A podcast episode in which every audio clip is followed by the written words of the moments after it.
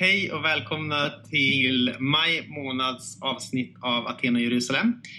Idag, eller den här månaden, är det så att eh, Simon är upptagen av sin uppsats på Missionsskolan som äntligen ska slutföras och eh, jag är för snål för att resa eh, långa resor. Så nu har vi faktiskt ett nytt sällskap som har utfört själva intervjuandet och det är Skånekorrespondenterna Maja Ekström eh, som ni har känner sedan tidigare. Eh, senast mm. från Annika Spa och eh, Pelle Strindlund-avsnittet. Och så har vi Johan Bruneskog som ni inte känner. Mm. Hej! Hej. Jag, jag, jag, fick en, jag fick en jingel för ett tag ja. sedan. Det är, väl, det är väl den historia jag har med, med den här podden. Att du fick en jingel för ett tag sedan? Ja, jag fick koskälla. Jaha, du fick den dedikerad till dig? Just ja. det, så var det ja. ja det kommer jag, ja vi nämnde ju faktiskt dig i det avsnittet, så Johan Brunskog är inte alls okänd för den flitiga TV Jerusalem-lyssnaren. minnesvärt. Maja, du befinner dig i Lund om jag inte minns fel. Nej, det minns rätt Anton. så, så du har inte flyttat sedan några månader tillbaka? Nej, nej, det har jag inte. Och eh, Johan, du är i? Helsingborg. Fint. Ja. Och därför var det alldeles utmärkt att ni kunde resa iväg till eh, Rögle kloster. Var är mm. det någonstans och så? Ja, det ligger lite utanför eh, Lund, behändigt cykelavstånd i, eh, i Dalby, tror jag man kan säga att det tillhör. Just det. Mm. Vem träffade ni där? Vi träffade syster Sofie, OP som, eh, jag vet inte vad OP betyder, men det står på boken. Jag tänker bara på Olaus Petri, men det är det. Ja, nej, det känns det. inte rimligt att det kommer från en så svensk luthersk reformator, men eh, eh, vi kan ju kolla upp det. Ja. Hon levde där då, det är ett dominikankloster. Så henne har vi träffat. Mm. Mm. Hur var det? Det var jättespännande. Det var, det var kul. Eh, det var, ja, men det var som... Eh, eller att träffa alltså, Sofie var ju väldigt kul och vi fick ett bra samtal tycker jag. Eh, men det var också väldigt spännande att ta sig dit tycker jag. Det var väldigt fint och eh, kuperat kan man väl säga. Det är man inte van vid i, i Skåne. Alltså vi cyklar ju dit, ska vi säga. Ja. Från Lund. I kuperad terräng? Nej, men Rapshälften. Mm. Ja. Eh, det var ja, rätt fint. Och sen fick vi ju be kompletorium med dem. Mm.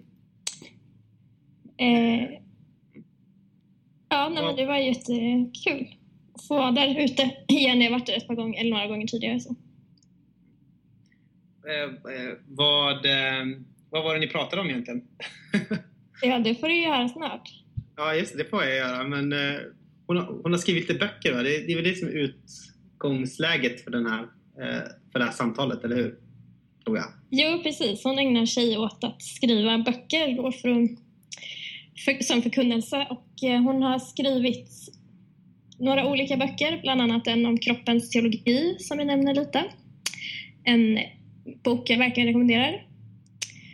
Eh, och också en om Jerusalem och sen har hon skrivit en självbiografisk bok som heter Stairway to Heaven.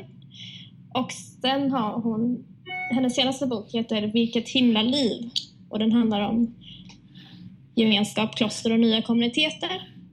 Och det är den mm. som vårt samtal eh, kan man väl säga rör sig kring mycket. Mm. Ja. Det, är, det, är, en spännande bok, eh, tycker jag.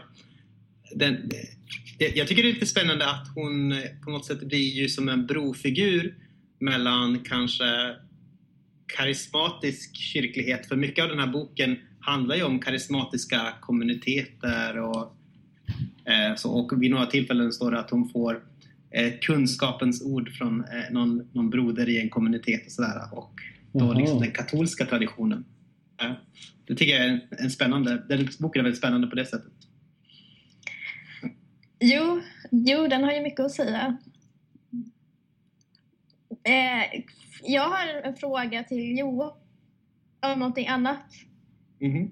Mm. Jag tyckte att du introducerade oss lite dåligt. Så jag tänkte Jaha. så här, eh, om, om Anton och Simon är Aten och Jerusalem, vilka städer är vi? Oh. Det kanske var Lund och Helsingborg, det kanske var det du tänkte. Men Nej, det var inte det jag tänkte. det är en bra fråga. Hmm. Ja. vilken stad är du då Johan?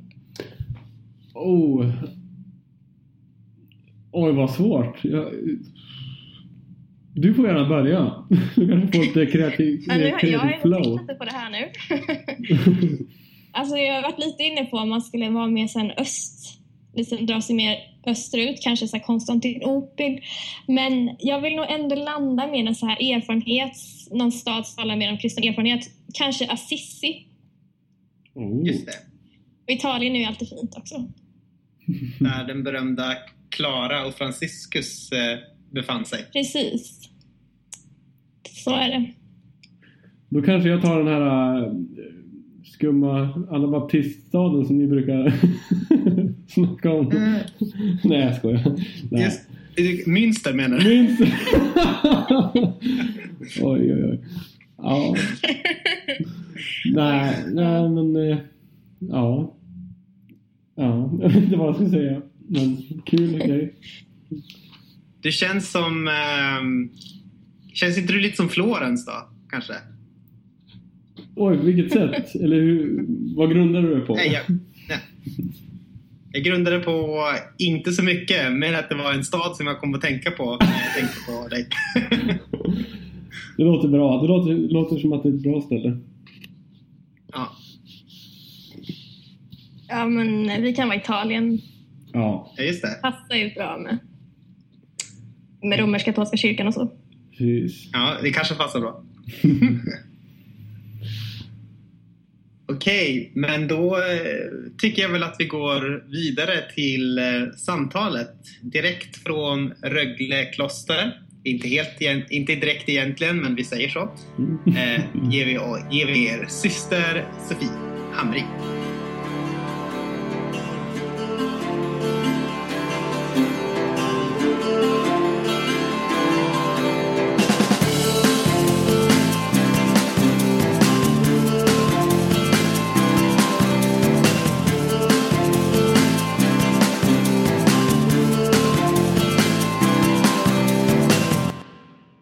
Okej. Då är vi här Mm. i Rögle. Ja, Eh. välkomna hit. Tack så mycket. Mm. Känns spännande att få vara i ett få samtala med dig och ja, men få möjligheten att få möjligheten att göra det. Liksom. Känns kul. Tack för det. Ja, nej, men tack för ert intresse. Mm. Får se. Ja. Vad ni vill prata om. Mm. Eh, vi, kan, vi kan väl helt enkelt börja med att ta oss med på din eh, resa helt enkelt. Och eh, vars började den? Eh, och eh, eh, jag tänkte speciellt på tre, eller på några grejer. Eh, har du några så vägmärken? Vi, viktiga liksom passager Mm, på den här resan? Ja, jag har många, många. Så det, jag menar, Ja. det, det, är en, det är en lång resa. Och, Ja. och, eh, så var ska man börja? När man ser tillbaka så ser, så ser ju jag så att säga, Guds närvaro egentligen överallt, i allt. Men om jag börjar um, någon gång liksom efter gymnasiet då när jag flyttade in i ett stort, eller stort i ett kollektiv med en massa kompisar. Och eh, hade ett, ett fantastiskt liv egentligen med, med ehm, massor av vänner och allt var möjligt. Det fanns ingen, ingen eh, arbetslöshet och vi, hade, vi var väldigt privile- privilegierade. Jag Mm. hade och fester och segling och utlandsresor och engagemang och, och så vidare. Väldigt kul och goda vänner och ändå i, mitt i det här så så när jag konstaterade att jag hade allt på något sätt Mm. så, så kände jag ändå en extrem saknad efter något mer. Jag, var, jag var ju inte alls troende då, ingen var det och det var på 70-talet så att säga Mm. Gud var död liksom, eller det Mm. var, fanns inte med på kartan. Men jag längtade så starkt efter något annat, eller jag, jag kände den här eh, törsten efter något mer. Och det är väl egentligen det första vägmärket så att säga. Eller att, att, att som, som jag ser som Guds, Mm. Guds kallelse redan då. Att jag kände det måste finnas något mer. Och, eh, jag är inte lycklig i alla fall. Eh, och sen, eh, ja. Sen hamnade jag i Israel på en kibbutz. Liksom det var, jag ville resa och, och upptäcka världen lite innan jag skulle börja plugga på allvar. Och, och där ehm, kom jag liksom in i new age och hela, folk som les, reste jorden runt och testade droger och det var nya medvetandenivåer och, och det var verkligen ehm, en helt ny värld som öppnades. Och jag tänkte wow, det här är ju svaret så att säga, att det finns något någonting eh, mer än det materiella och den sociala verkligheten och det politiska. Det finns en andlig verklighet, det finns en yttersta sanning och jag har ett öde och, och så vidare. Eh, Och, och, så det blev ju startpunkten för en hel re, resa ut i världen där jag liksom gav mig iväg för att jag vill hitta sanningen och att det är det enda som eh, betyder något. Jag kände att här nu har jag fått, liksom fått ett, ett, rep eller en, en, en, fått tag i någonting, en tråd, en röd tråd och jag måste följa det här, jag måste följa min törst. Och, ehm, men det var mer än så för att jag upptäckte redan då att det finns någon, det är mer än bara någon, någon kosmisk sanning som jag vill ha utan att det fanns någon som söker mig. Det, det började jag ana redan då. Och ehm, så jag kastade mig ut och jag åkte vidare. Jag åkte till Indien, jag var i ashram, jag prövade hit och dit allt möjligt och det visar ju att jag var otroligt vilsen och rotlös person.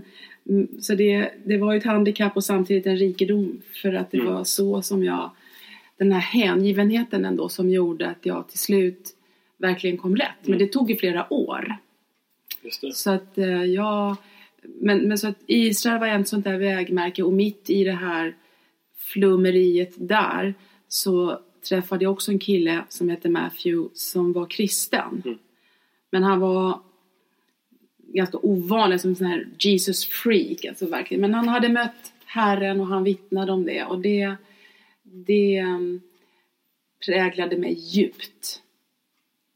Mm. Det brände till. Att, att det han har, det, det, det vill jag ha. Mm. Fastän jag mm, blandade ihop det hela så att jag, så jag blandade ihop Jesus så att säga med Mm.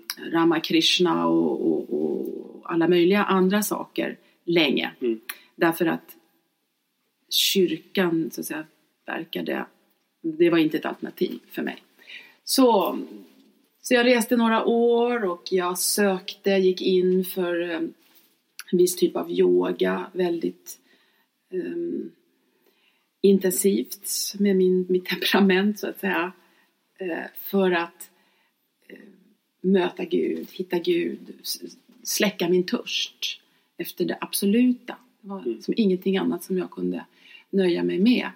Och, men den här vägen som jag till slut tog då med, med, med yoga och mantra och ganska så ehm, ja, som syftade på något sätt till att via en hel rad askes och tekniker höja medvetandet och bli ett med det gudomliga. Det blev ju en sorts självfrälsningsväg.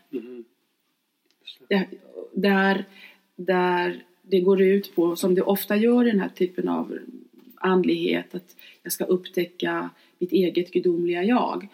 Och det gör att om jag själv redan är Gud, då får jag aldrig möta. Mm. Då blir det på något sätt en instängdhet i mig själv. Så att det där ledde till en, en verklig återvändsgränd. Det blev ändå en egotripp, en andlig egotripp. Som eh, eh,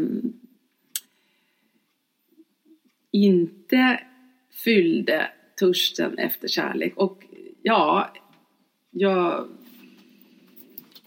på grund av, vad ska vi säga, Herrens ingripanden, människor som jag mött och så vidare så, så ledde sig till slut ändå fram till att upptäcka Kristus, vem han är. Mm. Och att frälsning är ingenting som jag um, uppnår själv genom att höja mig över så att säga den vanliga mänskligheten och bli, över, bli överandlig utan jag får snarare inse min egen otillräcklighet och svaghet. Och så jag kapitulerade totalt inför Kristus. Jag hade tömt alla möjligheter på något sätt. Jag hade sökt Gud så intensivt och misslyckats i det och då, um, då kunde jag på något sätt bara ge upp. Mm. Och då fick jag ta emot allt det som jag hade. Ja, men jag förstår att det är Herren som ger det. Han har redan gjort allting. Och um, så jag stod under korset kan jag säga och fick dricka ur källan med Mm. levande vatten. Så det var helt otroligt. Det var verkligen en, en pånyttfödelse, att bli född på nytt. Eh, att upptäcka honom, att han lever och att han är Gud och att han att följa honom i livet. Mm. Så, men det, då var jag, det tog ju liksom flera, vad- hur många år var det? Fem år ungefär, det här sökandet. Och sen, ehm, och då efter det så fick jag också så här böja mig. Och, och för jag var högmodig. Och att förstå att jag behöver, jag behöver andra kristna, jag måste söka mig till en kyrka. Mm. Ja. Och, och han ledde mig. Jag hade ju verkligen Var det den med Matthew eller? Nej, det var inte han. Nej, han, okej. han, honom, han träffade jag i, i Israel och Just det. Utan det var Herren själv som till slut Ja, ja, ledde ja. mig till katolska kyrkan. Ja. Eh, Jag var helt, helt öppen Mm. för bara, bara vinden får blåsa vart den vill och jag kan hamna där du vill att jag ska hamna. Jag har på något sätt förstått det, att, eller upptäckt det att Guds vilja är det som gör mig lycklig. Så att ju mer jag kan överlämna mig och på något sätt låta honom styra eller bara följa, ju bättre blir det. Mm. Eh, livet är lite som någon... Så å ena sidan är jag verkligen med. Jag, jag eh, kan ta initiativ och välja men jag, jag lever genom att lyssna och svara. Mm. Och det, det upptäckte jag redan då. Jag förstod det att han, han som har skapat mig, han som älskar mig, han har en plan. Och eh, det bästa jag kan göra är att försöka vara lyhörd och gå in i den Mm. planen. Och, och då förstås är det ju att bli en del av Kristi kropp. Så jag behöver en församling och det var en hel, också spännande resa hur jag till slut kom rätt verkligen genom att bara lyssna på något sätt. Och det var katolska kyrkan. Mm. Så jag blev katolik det var 1985 så det är Mm. ganska länge sedan nu. Men, och, och, ehm, som det ofta är när man precis har omvänt sig och upptäckt Herren så överöser han oss med nåd. Det är inte så Mm. sen hela livet att man bara får presenter men då var det så. Och, så, så underbara vänner och ett fantastiskt sammanhang och ja, ett nytt liv kan jag säga på alla sätt. Mm. Ja. Och eh, jag var nöjd med det, jag hade inte tänkt något mera men, men eftersom jag eh, verkligen har gett mitt liv till Herren och låter honom leda, jag följer, så ehm, hade han sin plan. Han hade sina idéer som inte var mina idéer. Mina tankar inte era tankar. Mm. Så han kallade mig verkligen till klosterlivet. Och eh, jag gjorde, det, det, det var ju någonting som jag först tyck, tänkte var det mest, så att säga, motbjudande alternativ man kan tänka sig ett sånt liv. Um, instängd, um, ehm, känslokallt.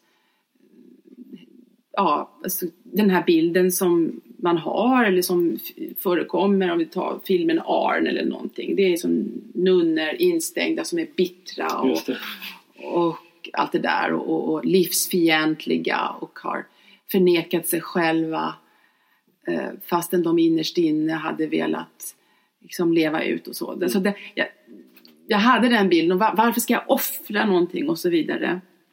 Eh, men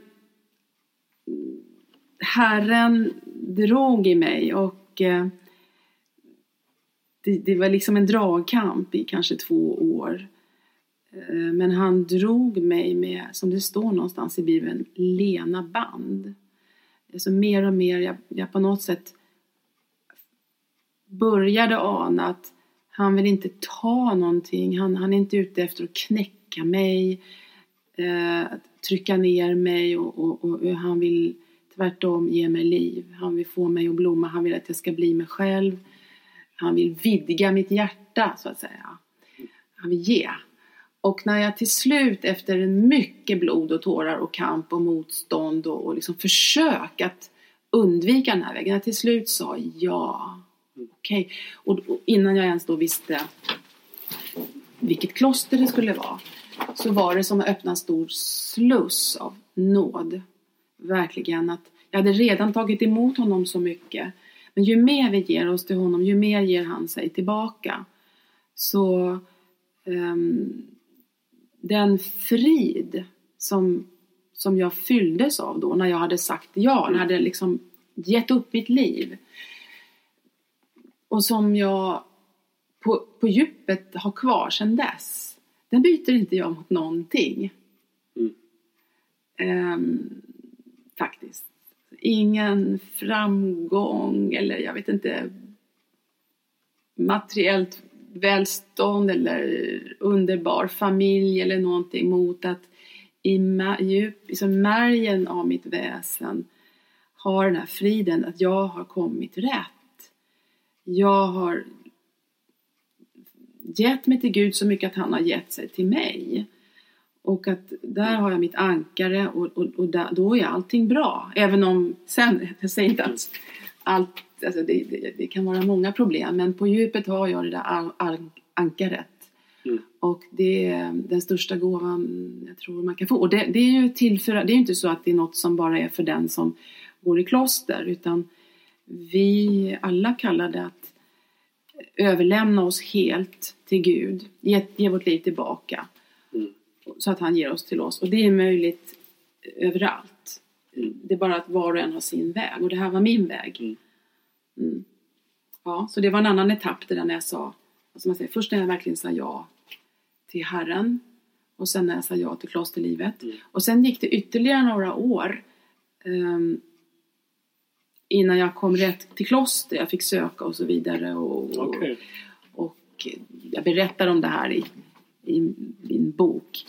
Så jag, jag um, prövade först ett kloster, eller trodde att det var det, men det var verkligen inte rätt. Och uh, då, Vad var det för kloster? Det var karmelitklostret. I, alltså väldigt, väldigt strängt där man lever totalt avskild bakom galler och det är mm. så att säga, väldigt eremitiskt. Och jag tänkte att eftersom jag nu ska ge allt till Gud så då väljer jag det, det mm. mest radikala.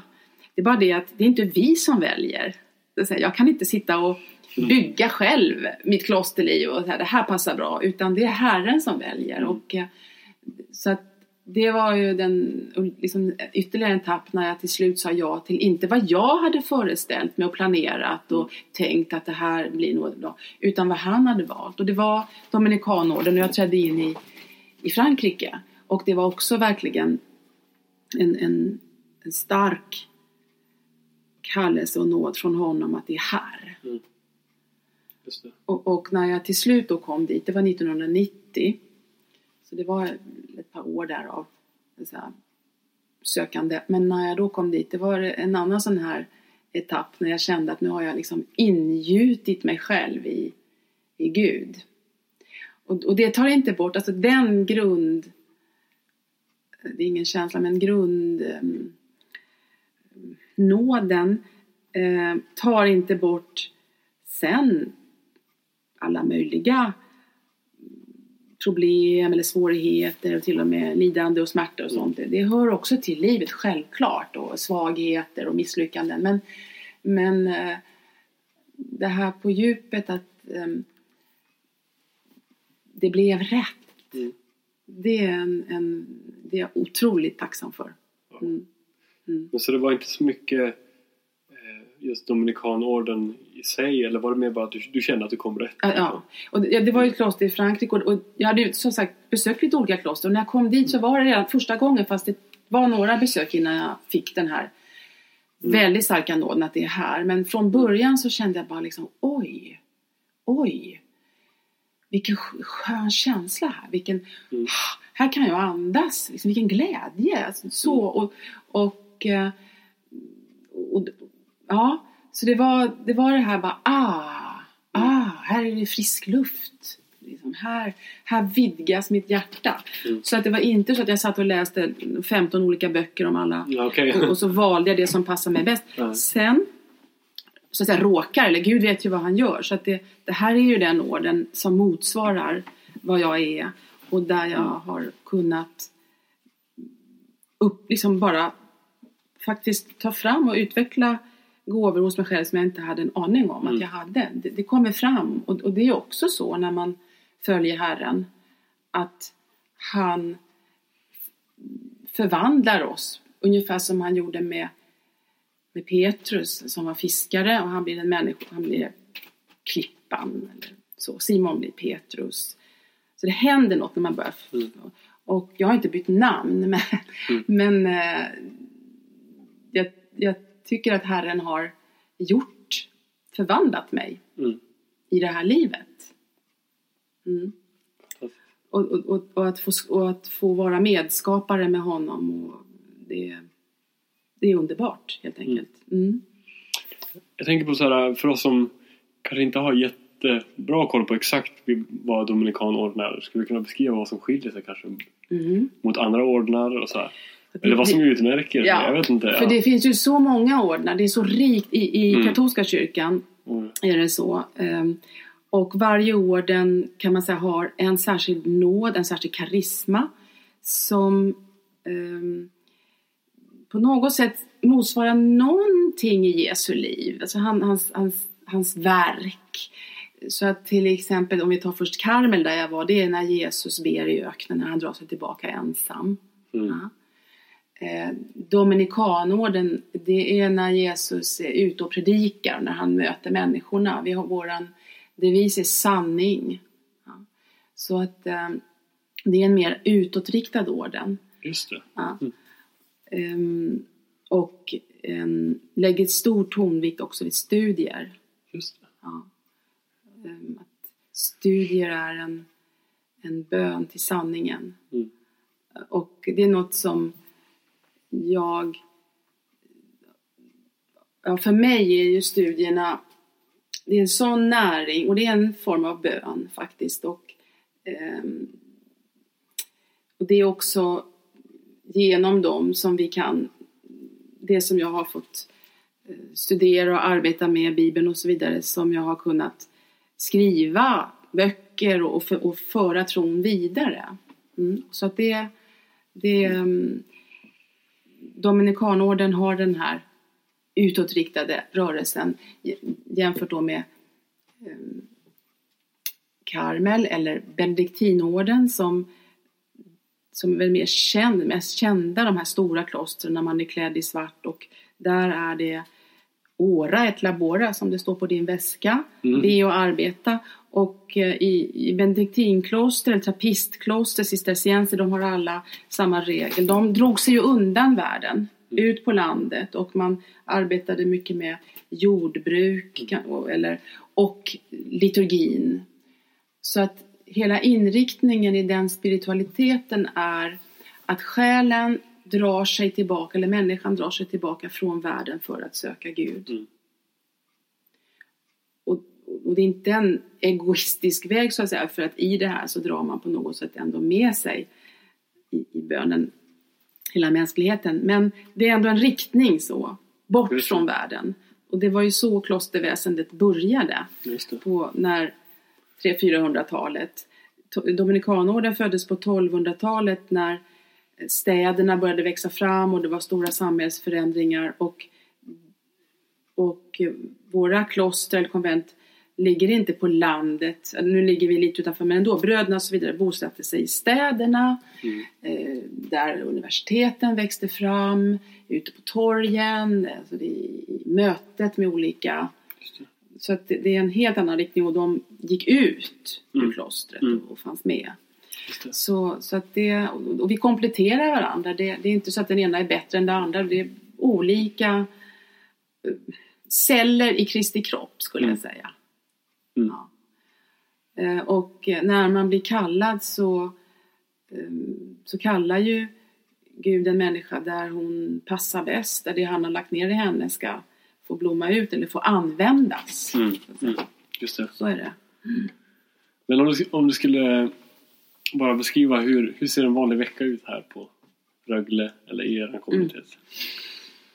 Mm, alltså, f- först, det, jag skulle säga att ordet vanliga, förstår, den, den får vi ofta ur en vanlig dag, utan en vanlig vecka. Och egentligen tycker jag det finns inga vanliga dagar och vanliga veckor eftersom varje, varje dag är på något sätt ny med Gud.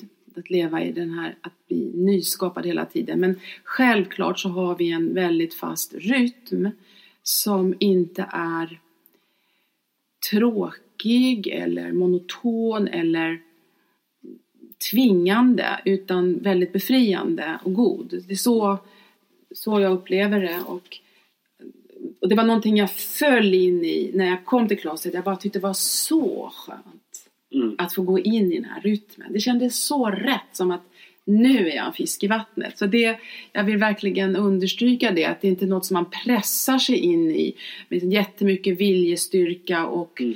enormt mycket också självförnekelse. Utan det är snarare som att man äntligen får på sig rätt kläder. Så upplever jag det det. med vår bönerytm. Så att vi börjar dagen med en timme tyst bön. Man kan kalla det meditation eller vi säger tillbedjan. Från halv sju. Och halv åtta sen är det laudes, alltså morgonbön. Laudes betyder lovsång.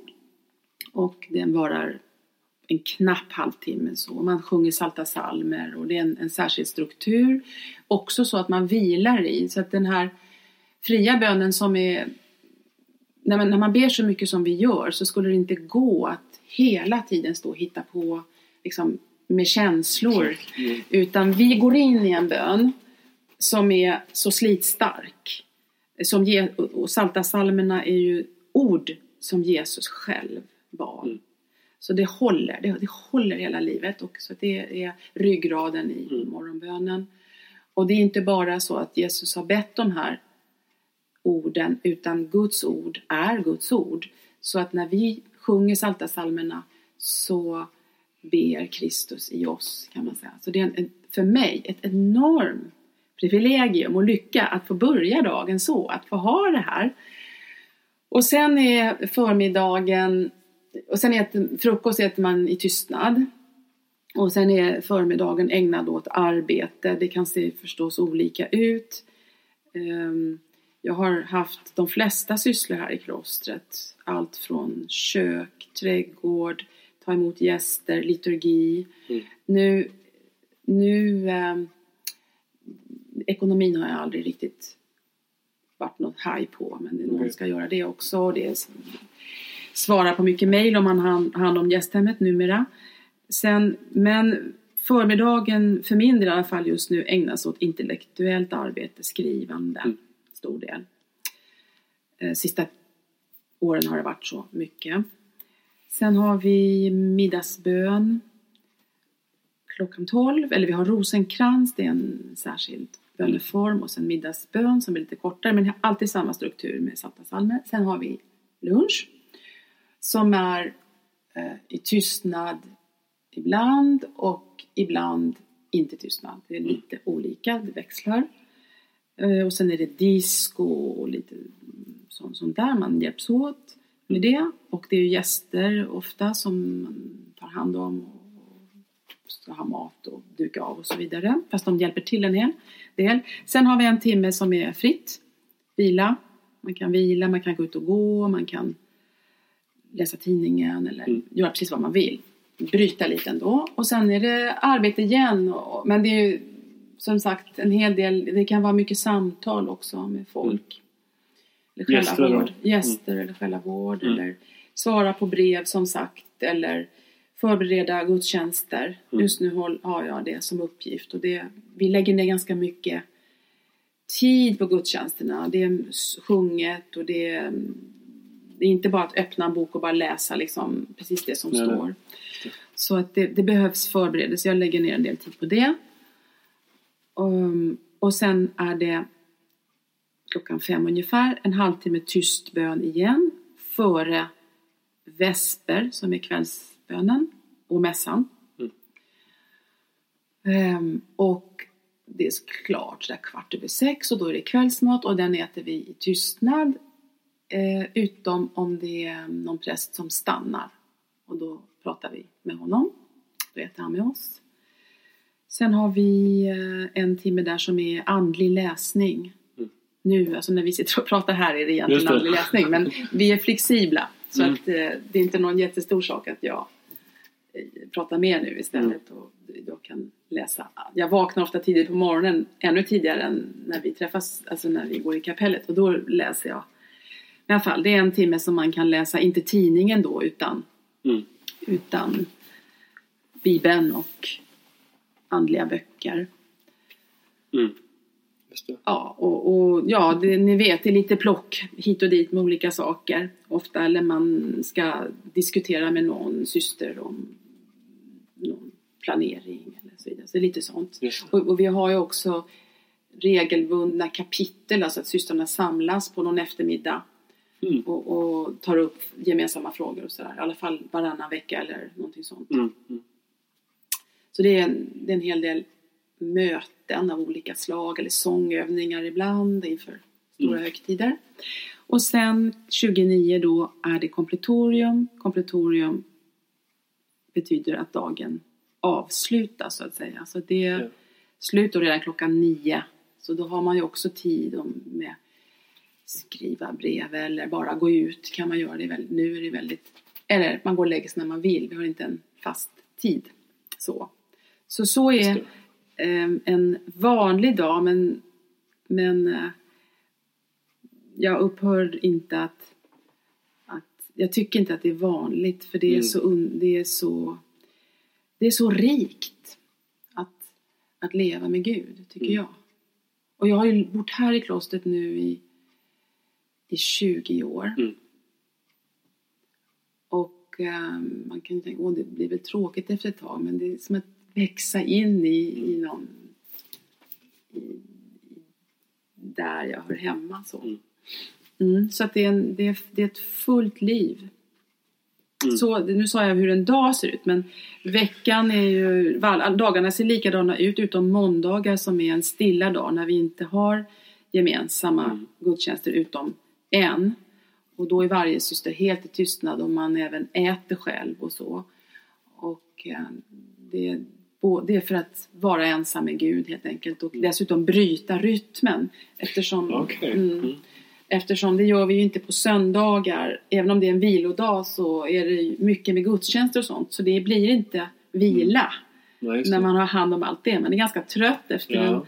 en, en eh, högmässa som man, när man har hand om musiken och, och så vidare. Eller om det är gäster här och med köket och allting. Det, det, och sen ska de hem om man har. Så att därför har vi måndagen så och det är väldigt fint. Ja, och sen ja, så är en vanlig vecka. Ja, Mm. okej. Eh, Ja, alltså din livshistoria väcker ju så många följdfrågor tycker jag. Mhm. Den är spännande. När man läser din bok Stairway to Heaven så även om man vet hur det kommer sluta Mm. så blir man ändå så här. vad ska hända? Ja men precis. Nej men ska hon inte gå i kloster? Ja precis, man vet ju det eftersom jag är i kloster. Ja, visst, Ja men annars... precis. Man vet ju. Mm, mm. Nej men det var ju verkligen inte självklart att jag skulle komma dit. Och, jag, och som sagt, jag sitter här och berättar hur, hur underbart livet är. Men det, det, det berättar jag om i boken, alltså att det har varit period, eller prövningar. Gud Mm. tillåter det. Väldigt svåra prövningar. När jag, ett tag när jag inte trodde att jag skulle komma rätt. Kloster, alltså när jag verkligen tyckte att nu har jag sjabblat bort allting. Då kände jag verkligen en önskan av att dö. Så, att, så att det är ju inte så att det är någon dans på rosor alltid att Mm. följa Herren. Och, och det är det inte i kloster heller. Nej. Men en fråga Mm. som jag funderar på. Om du kan säga någonting om vad det innebär. Du pratar om att kapitulera inför Herren och, Ja. och ge sig själv. Mm. Och överlå- vad, är överlåt- vad kan överlåtelse vara?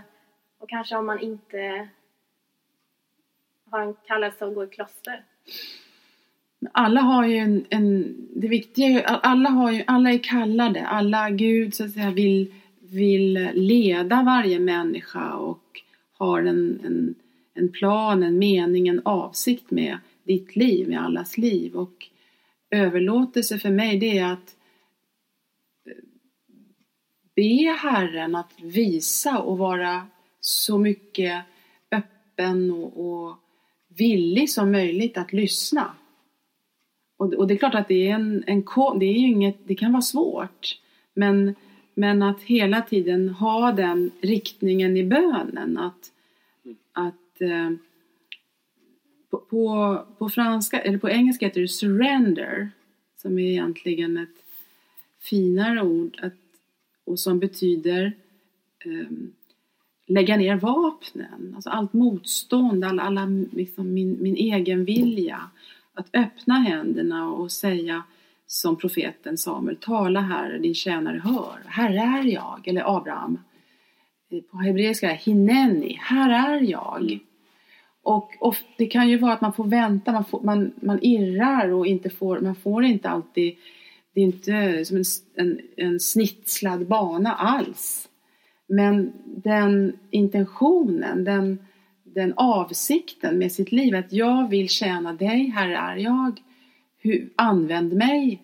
Hur kan jag med mitt liv tjäna dig? Det är för mig överlåtelse. Och det är aldrig e, gjort en gång för alla. Man måste börja om och även om jag har berättat om de här eh, avgörande ögonblicken så är det lätt att ta tillbaka sitt liv igen och sin vilja. Och så så att det är ju en ständig omvändelse från det här att jag styr själv allting och allt för mig till, Mm. till ja, de här öppna händerna. Vad vill du Herre? Det måste vi ju säga varje dag.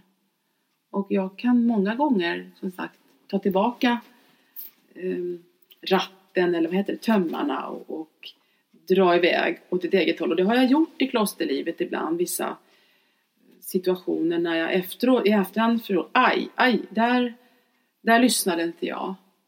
Där var det egenviljan som gjorde, som, som, som drev mig. Och därför, ja, nu ska jag försöka lära mig liksom att, av det. Men, men så för mig är det en, en, en vilja att, att tjäna Herren och att ställa mig till förfogande som han vill och inte som jag vill. Mm. Det är att kapitulera. Eller, för mig, jag, använder just det ordet kapitulera därför att jag hade jag gav och det kanske händer mer om man som för min del, jag var i en återvändsgränd. Jag tyckte att jag hade misslyckats med allt och då gav jag liksom upp helt och hållet.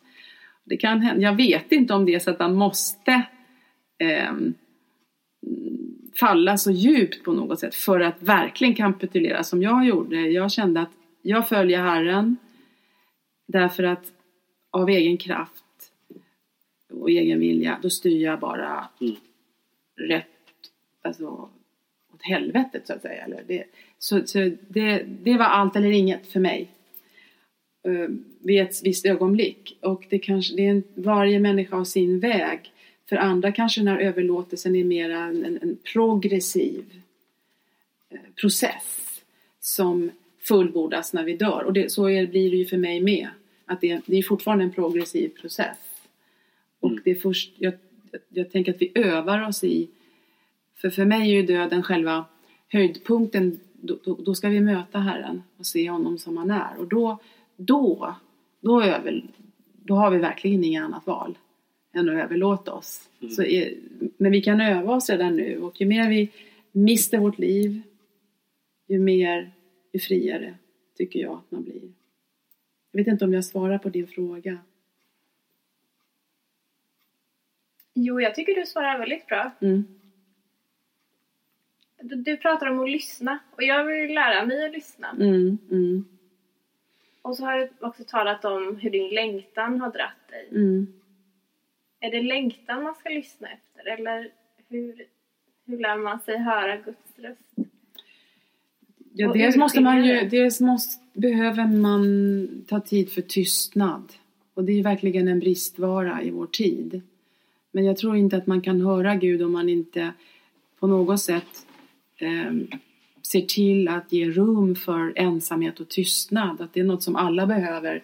Okej, inte som en munk, men, men att, att jämt vara uppkopplad och, och, och ha hörlurar och, och intryck och bilder och, och så vidare. Då, då, då förstår jag inte ens hur det är möjligt faktiskt. Eh, så att ge tid, ge, ge någon rum för det viktigaste i livet, nämligen ehm, om det är alltså bön, bibelläsning, ett, ett, att stänga, gå in i sin kammare och stänga dörren och vara med Gud. Och det, jag förstår att det, det är därför, menar klosterlivet är ju en hjälp, det, där, där får man det, där är det allting är ordnat för det. Så att jag vet inte hur, jag, jag kan förstå att det måste vara jättesvårt när man lever i världen idag så som livet är. Med. Men, men eh, just därför tror jag, det är därför jag skrivit den här boken om kommuniteter, att jag tror att kommuniteter, att det behövs platser där, där det är lättare för människor att komma, där, därför att där ber man och där blir man buren och där det är en hjälp för att um, lyssna till Gud. Där två eller tre är samlade, där är jag mitt ibland er. Så att jag tror att det är omöjligt och vi behöver å ena sidan ta tid ensamma med Gud, men vi behöver ju också eh, be med andra. Faktiskt. För att komma in lite på den här Mm. boken, Mm, Vilket himla liv, ja. så skulle jag vilja fråga om ensamhet till att börja med. Mm. Jag tycker att jag är väldigt mycket ensam Mm, mm, och eh, har funderat på huruvida det är bra mm. och eh, vad är en människa då hon är ensam? Men kanske finns det något bra också. Ehm, lite sånt. Tror du att det finns någon mening? Kan det finnas någon mening med ensamhet?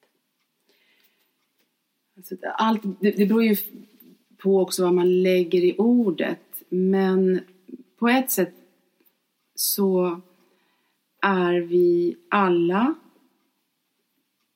det finns en ensamhet i oss, i var och en av oss, som bara Gud kan fylla. Och jag tror att det är jätte... Eller jag är, tror, jag är övertygad om att det är...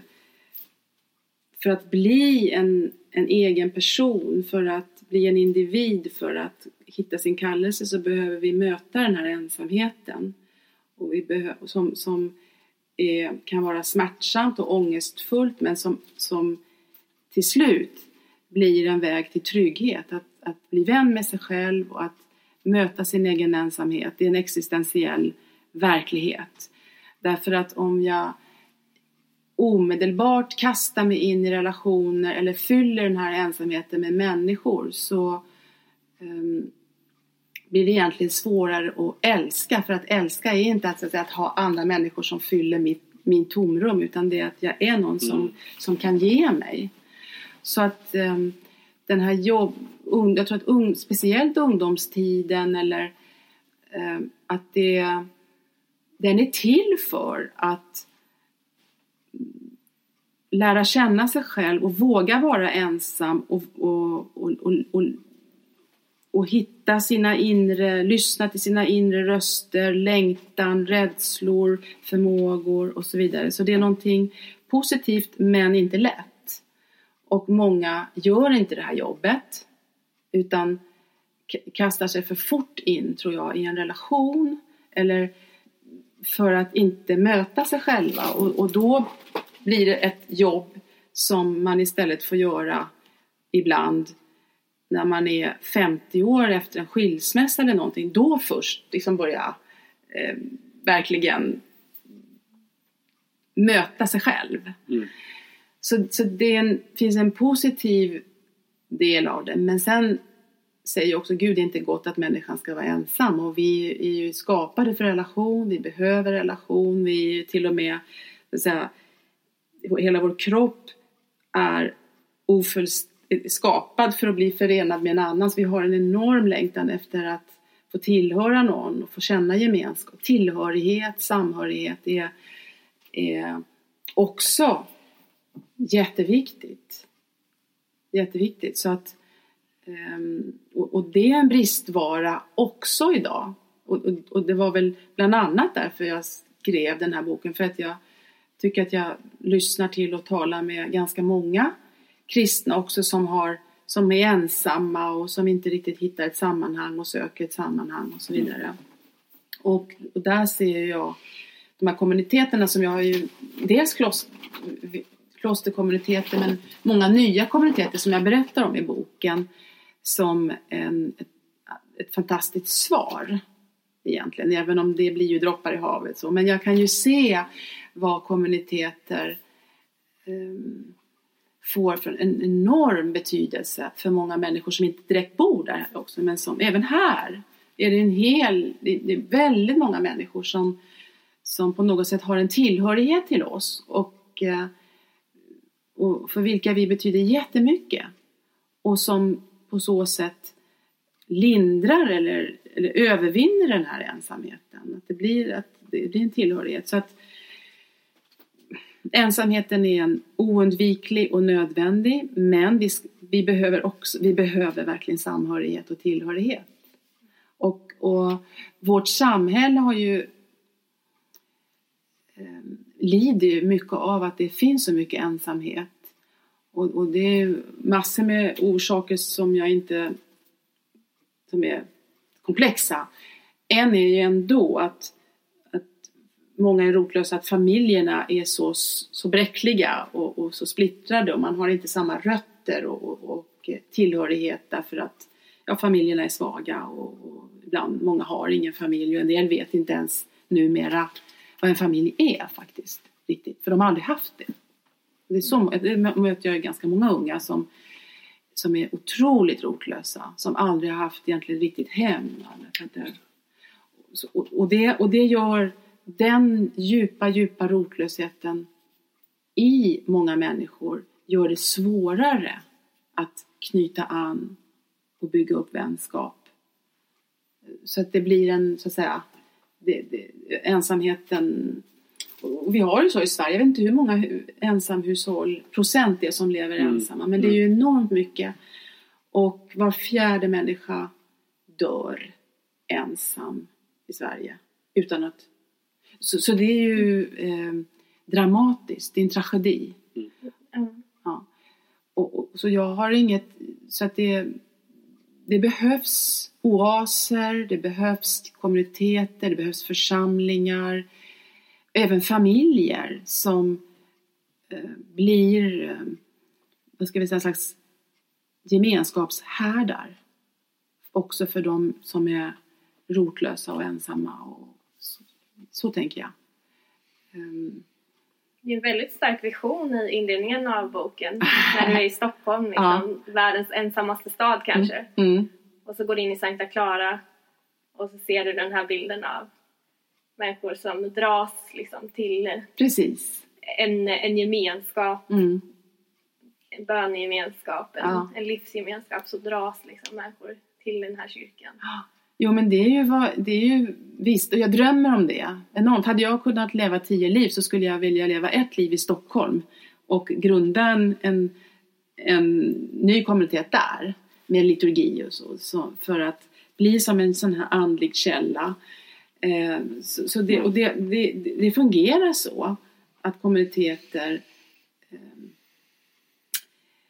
det, de är inte bara, det är inte bara mänsklig gemenskap utan där kan man komma in och få gemenskap med Gud. Och jag, jag tänker, ibland i vårt kapell, eller inte ibland, ganska ofta så kommer det någon folk och, och sitter med på gudstjänster och vi pratar inte ens med dem sådär men jag vet att de sitter där och får gemenskap.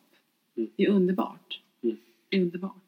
Så man behöver liksom tanka, vi har många bensinstationer där man kan tanka gemenskap. Eh, och, och, och det är ju egentligen vad Jesus har kommit för att göra. Jesus, när jag blir upphöjd från jorden ska jag dra alla människor till det är mig. mitt favoritbibelord. Ja. Mitt med. Titta! Ja. Jag tänker på det ofta i alla fall. Ja. Jag hade Och- broderat på väggen. Mm. Och det är vad han gör i, i, i kyrkan. Mm. Det är vad kyrkan är egentligen, att, att vi, vi dras in i honom. Och, och det, jag menar, varje, det berättar jag ganska mycket om i den där boken, att gemenskaper är, är fint men det är väldigt bräckligt och det, Mm. vi, vi är människor och så, men att det är så mycket mer eftersom Gud är där. Det är det som är, skiljer kristna kommuniteter från andra klubbar och så att man kan bli besviken om, och det kan vara relationer som är svåra men man har alltid Gud där. Mm. Och, och, och, och jag tycker att Gud är mer närvarande i en gemenskap än om jag hade bott i en lägenhet liksom själv i stan. Mm. I alla fall så det finns någonting. Fast det är klart att om jag bor i en lägenhet i stan och det, jag har en kallelse så är ju Gud med mig där också. Men, men det, det är helt klart ändå så att det finns en kraft. Det finns en kraft i, i, i kommunitetslivet. Så att det, det är klart att jag, jag, jag har en, en längtan här i mitt hjärta att det skulle bli mer av det i Sverige. Men det är svårt för att vårt samhälle är så extremt individualistiskt. Och man kan inte vara individualist och gå i kloster eller gå in i en kommunitet. Det går inte. Man måste ge upp ganska mycket. Mm. Kanske till och med passar med en av Antons frågor. Eh, kan prova. Mm. Eh, Du skriver i, i boken här att, eh, att gåvor eh, i, i kommuniteten då Mm. eh, behöver döpas Mhm, mm. eller bli en ifråntagen. Eh, När man, går, mm, när man går med i en kommun- kommunitet. mm. Vad innebär detta? Ja, jag tror behöver och behöver. Men, men ofta är det så att Mm. Man kan komma i, i kloster och eh, alla har ju färdigheter, gåvor, är duktig på något. Man har kanske man har ofta numera erfarenhet av saker. Eh, men det kan bli eh, en, en klassisk pedagogik skulle jag säga i klosterlivet är att när man, då, då när man kommer till kloster och man är duktig på något, då är det inte det man får göra. Mm. Därför att man måste testa, kommer du här för att söka Gud? Eller kommer du bara för att eh, förverkliga dig själv, så att Mm. säga. Så att ehm, det kan bli lite mycket ego så att säga om man, om man vill utöva det, det är en tendens helt enkelt i, i alla oss människor att, att vi vill ta plats, vi vill synas, vi vill lyckas och det är egentligen inte fel i sig. Men när man går in i en kommunitet så, behöv, så behövs en omvändelse att nu gör jag inte det här längre för mig eller för min skull. Det är inte kommuniteten för mig utan jag för kommuniteten. Och det är den sortens dop. Och då kanske jag får eh, ge upp vissa ambitioner eller planer eller saker som jag vill göra och, och dö bort från det helt enkelt. Det jag kallar för att döpa och, och så gå in i något helt annat. Mm. Men där, så att jag blir frigjord. Mm. Fri, så att det inte blir mina gåvor och liksom Mm. min grej. Eh, och, och sen, men det är ju inte så, det, det handlar inte om att liksom stympa folk för att Nej. stympa dem utan det är precis som man, när man ansar ett träd eller Mm. klipper en, en vinstock att det är för att ge mer frukt och bättre frukt. Mm. Och, och det är ju min erfarenhet att gåvorna det blir bäst när man inte själv liksom har bestämt sig, det här vill jag göra, det här är mitt plan, utan, min plan, utan det kommer till mig. Nästan, det, det växer fram som en, som en, någonting inifrån eller som någonting givet som jag tar emot och som jag då använder för att tjäna. Mm. Så det, det är inte så att det är någon slags systematisk stympning av alla men eh, när man kommer in i kloster så börjar man ju ofta med liksom man får städa och, och göra väldigt enkla saker för att på något sätt eh, ja, för att urskilja varför är jag här? Mm. Är det för att jag just lägger ner mitt liv och jag vill ge mig till Gud eller är det bara för att göra en, fortsätta min kar- konstnärliga kar- karriär eller vad det nu kan vara. Mm. Så, och det, det, så det är, en, det är en process och jag tror att den där processen kanske människor ute i världen också um, går igenom därför att Gud är, är densamme överallt. Mm. Um, det finns inga människor som inte som, kom, som kommer långt, som inte har misslyckats Mm. och, och liksom fått börja om och ompröva och så. Och det är lite av det. Att det är inte bara, jag kör inte bara på mitt Mm. race utan, utan att någonstans måste jag stanna upp, ompröva och lite mer ta emot det jag ska göra. Mm. Så, så att, och, och då mm, då blir det renare. Man kan bli liksom lite mer frigjord från, från eh, sin egen gåva. Mm. Och det kan tas ifrån en och då blir det inte, behöver det inte bli världens undergång. Mm. Därför att jag har inte byggt hela mitt liv på mina prestationer och, och så vidare. För, för det, så är det ju. Att, jag menar, om inte annat så blir man ju gammal. Och då klarar man inte lika mycket och orkar inte lika mycket. Och till slut måste man släppa. Mm. Och det finns säkert en poäng med det. inte, jag menar, kanske man tänker att det är bara tragiskt och tråkigt och sorgligt och vad hemskt det är att bli gammal. Men jag tror att det är en mening med det. Att det här, och verkligen, då släpper man taget. Då får man överlämna sig. För att hjärtat ska bli helt rent. Så det är lite av det. Mm. Jag tänker nu, det du pratar om och det du skriver om, att det också skulle kunna vara en upprättelse för hemmen och ett helande för familjen. Eh, Vilket då exakt? Eh, Det här som jag sa nu eller? Ja, Mm. eller liksom i- i en helhet. Att det, att det finns kanske ett djupare sätt att vara, att vara familj. Ja, ja, ja. Att, att ha ett hem. Liksom blir jätteglad en, när du säger det. Mm. som man kan gå in. Precis, alltså det, det, det liv som vi lever här, som är ett så rikt och fyllt liv, märgfullt liv, det, det kan man ju också leva i en familj. Det är lite annorlunda men det är ändå på djupet samma. Det här att närvaro till varandra, det vardagliga, eh, det som på något sätt man ser ganska mycket ner på nu. Och nu handlar ju allt bara om karriär och jobb och, och, Mm. och häftiga resor eller vinna liksom, schlagerfestival. Eller det, det är väldigt ytligt och det är väldigt... eh, Och, eh, och, och när livet börjar ta slut, när man börjar bli gammal och ska dö, så är ju inte någonting av de där sakerna speciellt mycket värda. Utan då är det precis det här du säger. Det här nära livet Mm. i familjen, nära relationer, närvaro till Gud, att ha tid för varandra, att, att kunna göra saker i lugn och ro. Mm. Ja?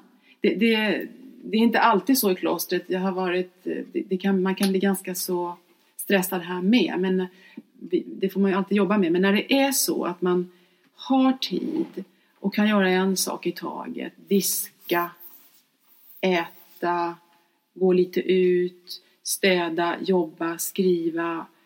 Då, det, då är livet så underbart. Och, och, jag, och jag vet att till exempel många som har barn skulle så gärna vilja vara hemma och, och bara leva och bara vara med sina barn. Men det ser vi ju så otroligt mycket ner på. En sån, eller hur? Är det inte så? Därför det, inte, det är inte möjligt. Och det är inte möjligt att välja ekonomiskt för de flesta. Är det Nej, inte. det är ju försvårat. Mm, mm. Mm. Och, och, och, och därför, att det, därför att det ses bara som ett...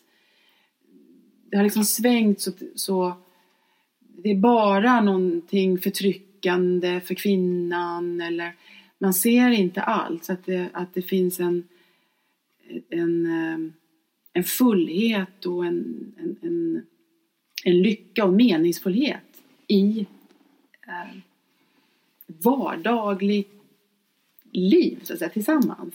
Men också det du pratar om Mm. åldrande liksom. Mm. Mm. Eh, Som nästa, eller den tidigare generationen att man inte kanske har kontakt med Mm, mm. en åldrande generation. Ja, nej, men det, då- visst, det, det, det, mm, vad ska jag säga, ja, det vet vi ju att vi lever i ett väldigt segregerat samhälle där åldringar är liksom där och barnen är på barndagis och gamlingarna är där. Och, och det, så är det ju inte här i klostret. Här, här, eh, förutom om någon äldre är riktigt handikappad och, och så vidare, då kan man inte, då kan det vara nödvändigt ändå. Att, men annars så är man ju fullt medlem och ända in till döden så att säga och har ofta uppgifter och sånt. Man, man blir aldrig pensionär här. Mm. Så det, det är också en, en, en rikedom faktiskt. Mm. Jag tänkte på, du är ju så bra på att fånga så att tiden, rörelse i tiden. Så jag undrar, håller du på att skriva någon ny bok? Och Det satt jag också och funderade på. vad den handlar om i så fall? Ja, alltså nu, nu, ehm, jag har ju skrivit en bok redan som heter Kroppens teologi. Mm. Ja. Just det. Och eh, så fick jag en förfrågan, det är över ett år sedan, om kan du inte göra, skriva någonting i samma stil men för ungdomar, alltså för yngre. Mm. Och, ehm, och, och sen har jag haft en hel, eller några retriter och kurser, helger, för ungdomar. Ehm, så att jag tänkte, okej, jag ska, som jag liksom har prövat och, och säga samma sak men på ett nytt sätt. Så det är det jag håller på med nu, att, att försöka göra en ungdomsversion av kroppens teologi. Att säga samma sak men på ett enklare språk. Och det är en väldig utmaning. Jag tycker att det är lättare Mm. att skriva till vuxna eller min egen ålder eller så. För att då, då vet jag, då, kan jag vara mer mig själv. Nu ska jag försöka, jag ska vara mig själv, jag kan inte låtsas att jag är tonåring men, men jag ska ändå eh, anpassa till en annan nivå. Så det, det är ganska svårt men jag kommer ju få hjälp av ungdomar förstås. Dels har jag redan prövat materialet då genom att hålla föredrag och sen så har jag några som, som ska läsa sen. Så det är det jag håller på med. Jag pratade faktiskt om kroppens teologi med en, en vän idag och hon sa att det var en av de bästa uppbyggelseböckerna hon läst.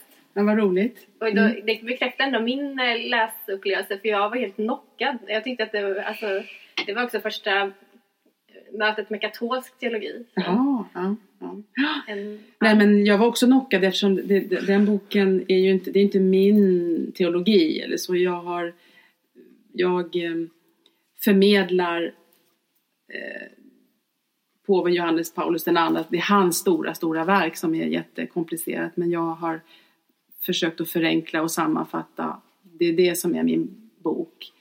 Så att jag håller med om att man blir knockad för att det är så starkt. Mm. Och det är som dess, helhet. Ja, och plus att det är så, går så emot, eller mot det är fel, men alltså det är en helt, det är en så annorlunda Mm. syn på de här frågorna och, och det var precis det också jag hade velat höra när jag var yngre. Så att det svarade mot någonting som jag tog direkt för att det här är sant. Det här, det här är sant för det är gott. Så, så, det, så vi får se nu då. Det, det, det, det hör ju till den kreativa processen alltid att man tvivlar ibland. Nej, men just nu är jag liksom mitt i det. Att jag tänker det här kommer aldrig gå. Det här, det här, men det tänkte jag med den där boken med. Det kommer aldrig gå. Eh, det är för svårt. Och, och, och, och så tittar, man, tittar jag på det jag skrivit och tycker att liksom, det här var bla bla. Värdelöst. Men jag vet att jag inte ska ge upp ändå utan jag bara fortsätter. Men när jag skrev den boken, Vilket himla liv, så där försöker, går jag in på ganska svåra grejer, alltså också ta upp riktiga skandaler i kyrkan och att det verkligen kommuniteter kan drabbas av riktigt onda saker. Mm. Alltså pedofilskandaler, missbruk, alltså det kan urarta. Och Jag tänkte att jag måste ju skriva om det också men det var så svårt att jag verkligen höll på att ge upp. För det är inte lätt att, att Mm. när man börjar gräva i sådana där saker. Hur ska Nej. jag kunna säga någonting? Men, men eh, så det, det, det hör till också i skrivandet, våndan. Ja, Mm. det Du känner jag till. Ja, ja. Vi kanske ska gå in mot landning här med Mm. två standardfrågor i Aten och Jerusalem. Ja men precis. Men, eh, en fråga först kanske som, som jag, Anton har gett mig här. Eh, det är väl egentligen så här, bara, bara kort också. Eh, vilka råd skulle du ge till dem som längtar efter ett kommunitetsliv i Sverige? Vilken råd? råd Vilka, vilka råd? Ja. Och sen kommer de två kändisfrågorna. Nej men be. Be. Mm. Sök så ska ni finna. Bulta så ska dörren öppnas. Det, allting börjar med bön Mm. Mm. ändå. Ja. Mm. Jajamän. Eh, ja, men sen har vi de två. Eh, och, eh, De känner inte jag till. nej men precis, nu, nu ska vi... Ja, Ja. vi, vi brukar, de Men brukar det- alltid ställa de här frågorna. Så. Är Den det- första är, vem är Jesus? Han är Gud. Han är Guds ansikte vänd mot oss. Mm. Och eh, han är vägen, sanningen och livet. Han är, han är allt. Eller, Kristus på korset är hela kosmos centrum. Mm. Och mitt livs må centrum. Mm. Mm. Och sen den sista frågan. Vem tycker du att vi ska intervjua nästa gång? Eller någon annan gång? Jag har ju inte hört på, jag vet inte vad ni eh, vad liksom... Jag tror att tanken är att Aten och Jerusalem vill prata med folk som kan ha någonting att säga till eh, den kristna frikyrkligheten. Framförallt Ja, men det tror jag ändå är målgruppen ändå, känns det som. Okej. Som kan Åh, det- alltså, den, där frågan, perspektiv. den där frågan skulle jag ha fått i förväg. För att det, för det, det, ehm,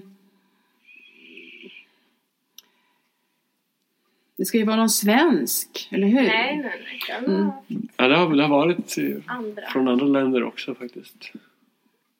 Påve Franciscus. Ja, vara- skulle. Nu, nu har vi ju fått en kardinal här, så ni kanske skulle intervjua Mm. honom. Det vet ni? Absolut. Ja, ja. Vi pratade faktiskt om det inför den här Ja, intervjun. men nu tycker jag ni ska intervjua kardinalen. Det är väl fint för, för um, um, frikyrkliga ungdomar Mm. att höra. Just det. Mm. Jättebra tips. Mm. Jättebra tips.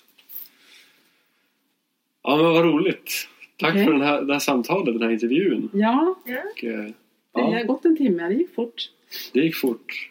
Vill ni ha en kopp te eller någonting innan ni ska cykla hem? Eller? ja, gärna om vi hinner. Nu, nu, nu är det ju kompitorium snart. Ni kan ju kanske vill vara med på det.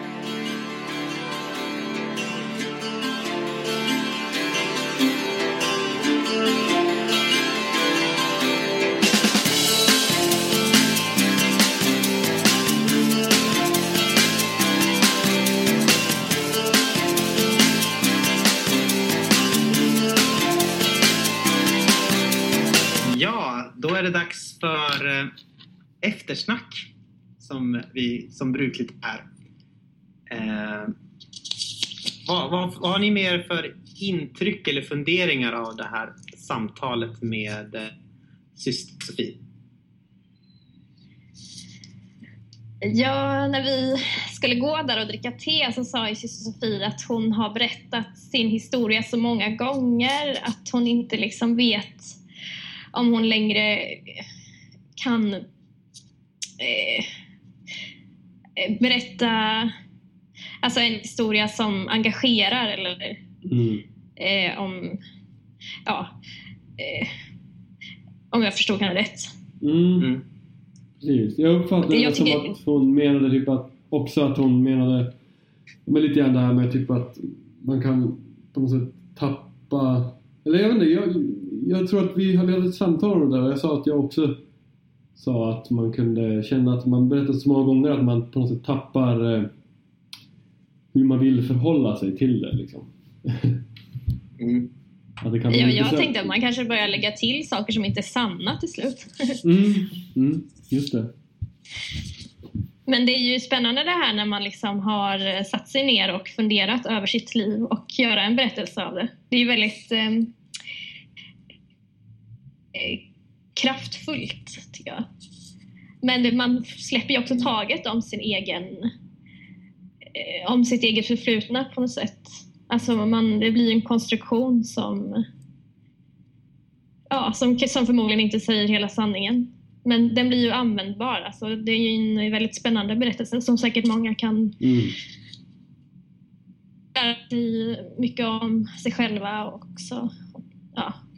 Men det är inte lite terapeutiskt på något sätt att man placerar sitt förflutna på lite avstånd så och kan konstruera en historia av det så kan man liksom se på det, ta lite, ta lite Mm.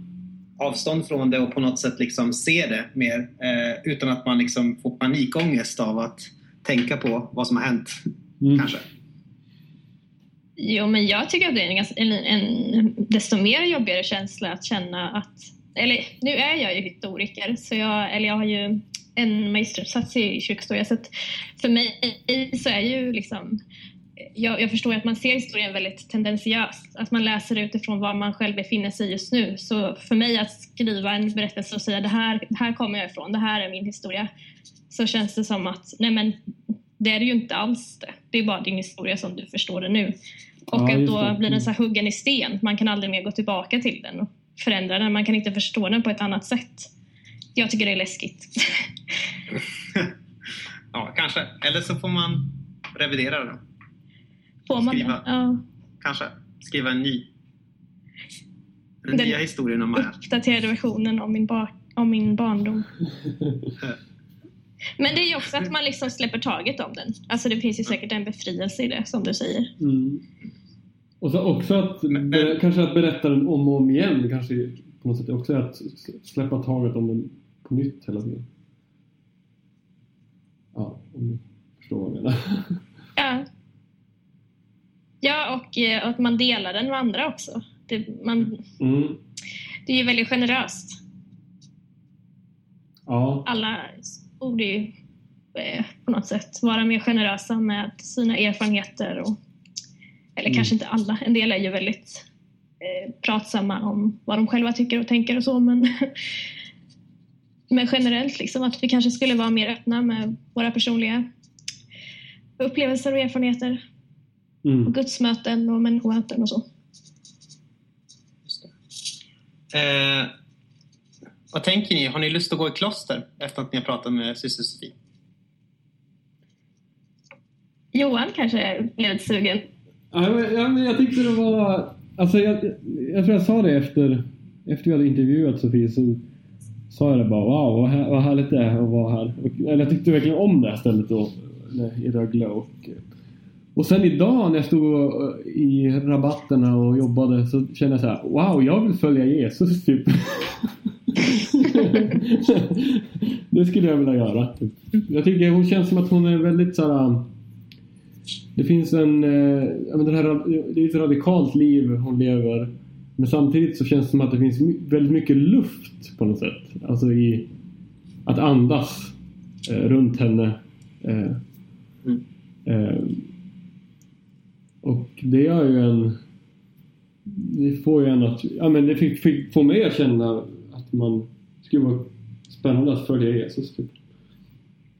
Eh, Ja, jag gillar ju det här väldigt radikala som finns i eh, klotterliv. mm, Alltså det, den totala överlåtelsen. Det där definitiva. mm. Verkligen. Ja, ja. Men, men, Men visst hade du men någon, jag gillar någon. Liksom. fundering, fundering på liksom om man, Va? men visst, hade, visst hade du någon fundering på om man kunde väva in någonting av det här i familjeliv? Eller? Ja, precis. Jo, men jag, försökte ju, jag, jag, jag kände ju att eh, att det var lite som en uppenbarelse där när vi satt och pratade med henne och jag försökte ju komma in på det men jag kände att jag inte riktigt fångade det då men att det här som hon pratar om och som liksom hon vill förmedla med sin bok där man kan eh, ta fasta på inför att man går in i en sån här nära kommunitet eller kollektiv. Alltså till exempel det hon pratar om att man måste döpa, eh, gå igenom ett dop, att man kanske måste ge upp saker. Att det också skulle kunna att man skulle kunna ta tillvara på den kunskapen också när man eh, till exempel eh, ingår en, eh, en relation eller bildar familj. Mm. Den inställningen eller den attityden av, av eh, att, att liksom, eller liksom ge sig själv eh, Ja, en ödmjukhet. Mm. Förstår ni vad jag är ute efter? Ja, men på något sätt att man ger plats för den andra genom att inte Genom att ge upp sig själv på ett sätt. ja, genom att ge upp sig själv och att liksom inte insistera på sitt egen, sitt eget, sin egen liksom förträfflighet på något Ja, sitt i eget projekt. Ja. Mm. Ja. Eh, och. Ja, så är det verkligen. Man måste ge upp ett projekt om man ska gifta sig eller så. Eh, tänker jag. eh, För att det ska kunna bli någonting gemensamt. Ja, Ja. vi liksom. Ja. Och eh, som hon säger att familjerna behöver verkligen helande och upprättelse idag och äktenskap och så. så och då, nej just att man kan ta tillvara på den här erfarenheten av att leva i nära gemenskap. Alltså de är ju så här gemenskapsexperter eller relationsproffs på något sätt. Ja, ja, verkligen. Det var väl sagt. Så det tänkte jag väl på. Och det, är alltså att man inte behöver leva i kloster förstås för att liksom leva i djup gemenskap med andra människor. Mm. Utan man kan leva i familj också. ah, två alternativ. Nej, så är det inte.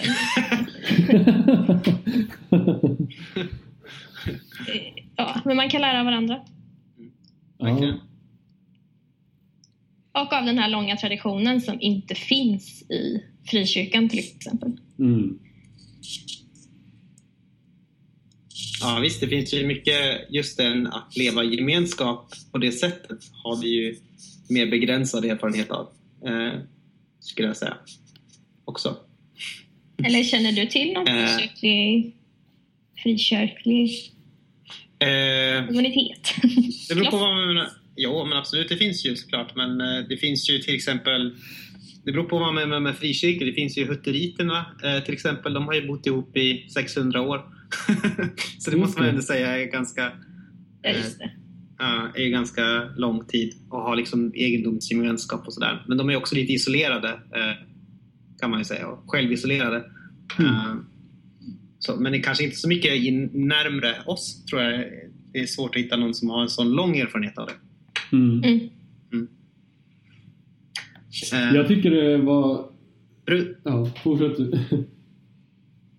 Nej, förlåt. Jag säger bara Bruderhof var ett annat exempel. Ja, fort. Ja, precis. Eh, ja... Eller jag vet inte, jag vill inte hoppa för fort till något annat men... Ja. Vi kan klippa Det är okej. eh, nej men det jag tänkte på som var nytt för mig. Jag vet inte om det var nytt för er också. Men eh, det var det här med hon sa olika eh, vad sa hon? Olika nåd, alltså i olika typer av kommuniteter eller olika typer av eh, eh, ordnar och sånt. Eh, och hon nämnde då eh, utifrån Jesu liv. Det tycker jag var spännande. det. Att man har olika karismor, Ja, olika karismor. Precis. olika gemenskaper. Och, så här, och jag tyckte det var väldigt, väldigt eh, ja, men spännande just det här att eh, man eh, att alla ordnar har inte, eller Dominikanorden har inte alla perspektiv utan de har ett perspektiv på något sätt. Eh, och att man på något sätt Mm. tillsammans får, får skapa en helhet. Jag tycker det var häftigt faktiskt. Det var bara, bara så. Det var häftigt. häftigt Mm. Och att det också eh, passar olika klosterfolk. För hon sa ju det att hos dominikanerna så det är, liksom, det är henne som syster Sofie, som den hon är. Mm. Karl Floberg sa en gång så här, det är inte din, det är ej längre dina gåvor, det är dig själv som jag begär. Alltså Mm. om Gud. Mm. Precis. Och det är så sant som det är sagt. Ja. Tack, tack, eh, tack eh, vad heter han, Karl Flodberg från Flodbergkretsen. Ja, precis. Mm. Jag, jag, jag trodde Ja. att hon sa, vid ett tillfälle så trodde jag att hon sa disco. Att de, att de, att nunnorna typ så här, de gör lite allt, när de beskrev vardagen. Men då sa hon ju disk och sånt, typ tror hon sa. Men jag trodde hon sa disco, så jag bara, ja så vi har disco. Ja, hon sa ju disk och. Ja. Eh, Alltså disk och annat typ. Men det, det lät som disco. Så det tycker jag också är jättekul. Ja. Mitt på dagen, disco. Det är ju mycket glädje där. Det, jag skrev upp ett citat som hon sa. När man kan göra en sak i taget är livet underbart. Det lät så enkelt och fint. Mm. Words to live by som... Ja, men det behöver inte vara mer komplicerat än så. Men eh, den här boken vill ju möjliggöra gemenskap och jag tycker det känns jätte, jätteviktigt. Jag tar upp det här att jag tycker att jag är så mycket ensam och att jag så har försökt fundera på huruvida det, alltså, är ensamheten bara en lögn? Vad håller jag på med? För Mm. eftersom människan är skapad till Guds avbild och Gud är en gemenskap av Fader, Son och Helig Ande så är det så, det är så himla djupt i vårt väsen det här att leva i gemenskap. Och Mm. ja, som sagt, den här boken vill möjliggöra män, människor, kristna, ska eh, leva gemenskap, ska kunna finna gemenskaper och det känns eh, viktigt och jag undrar hur vi tar tillvara på det här och speciellt kanske i våra församlingar. Människor är skapade för gemenskap och den kristna, eller liksom hela bibliska kärnbudskapet är ju att Gud kallar ut ett folk, det är ett kollektivt uttåg. Mm. Han har kallat oss till gemenskap som det står i första Korinthierbrevet 1.9. Precis. Ja. Och hur tar vi tillvara på det här? Hur förverkligar vi det här?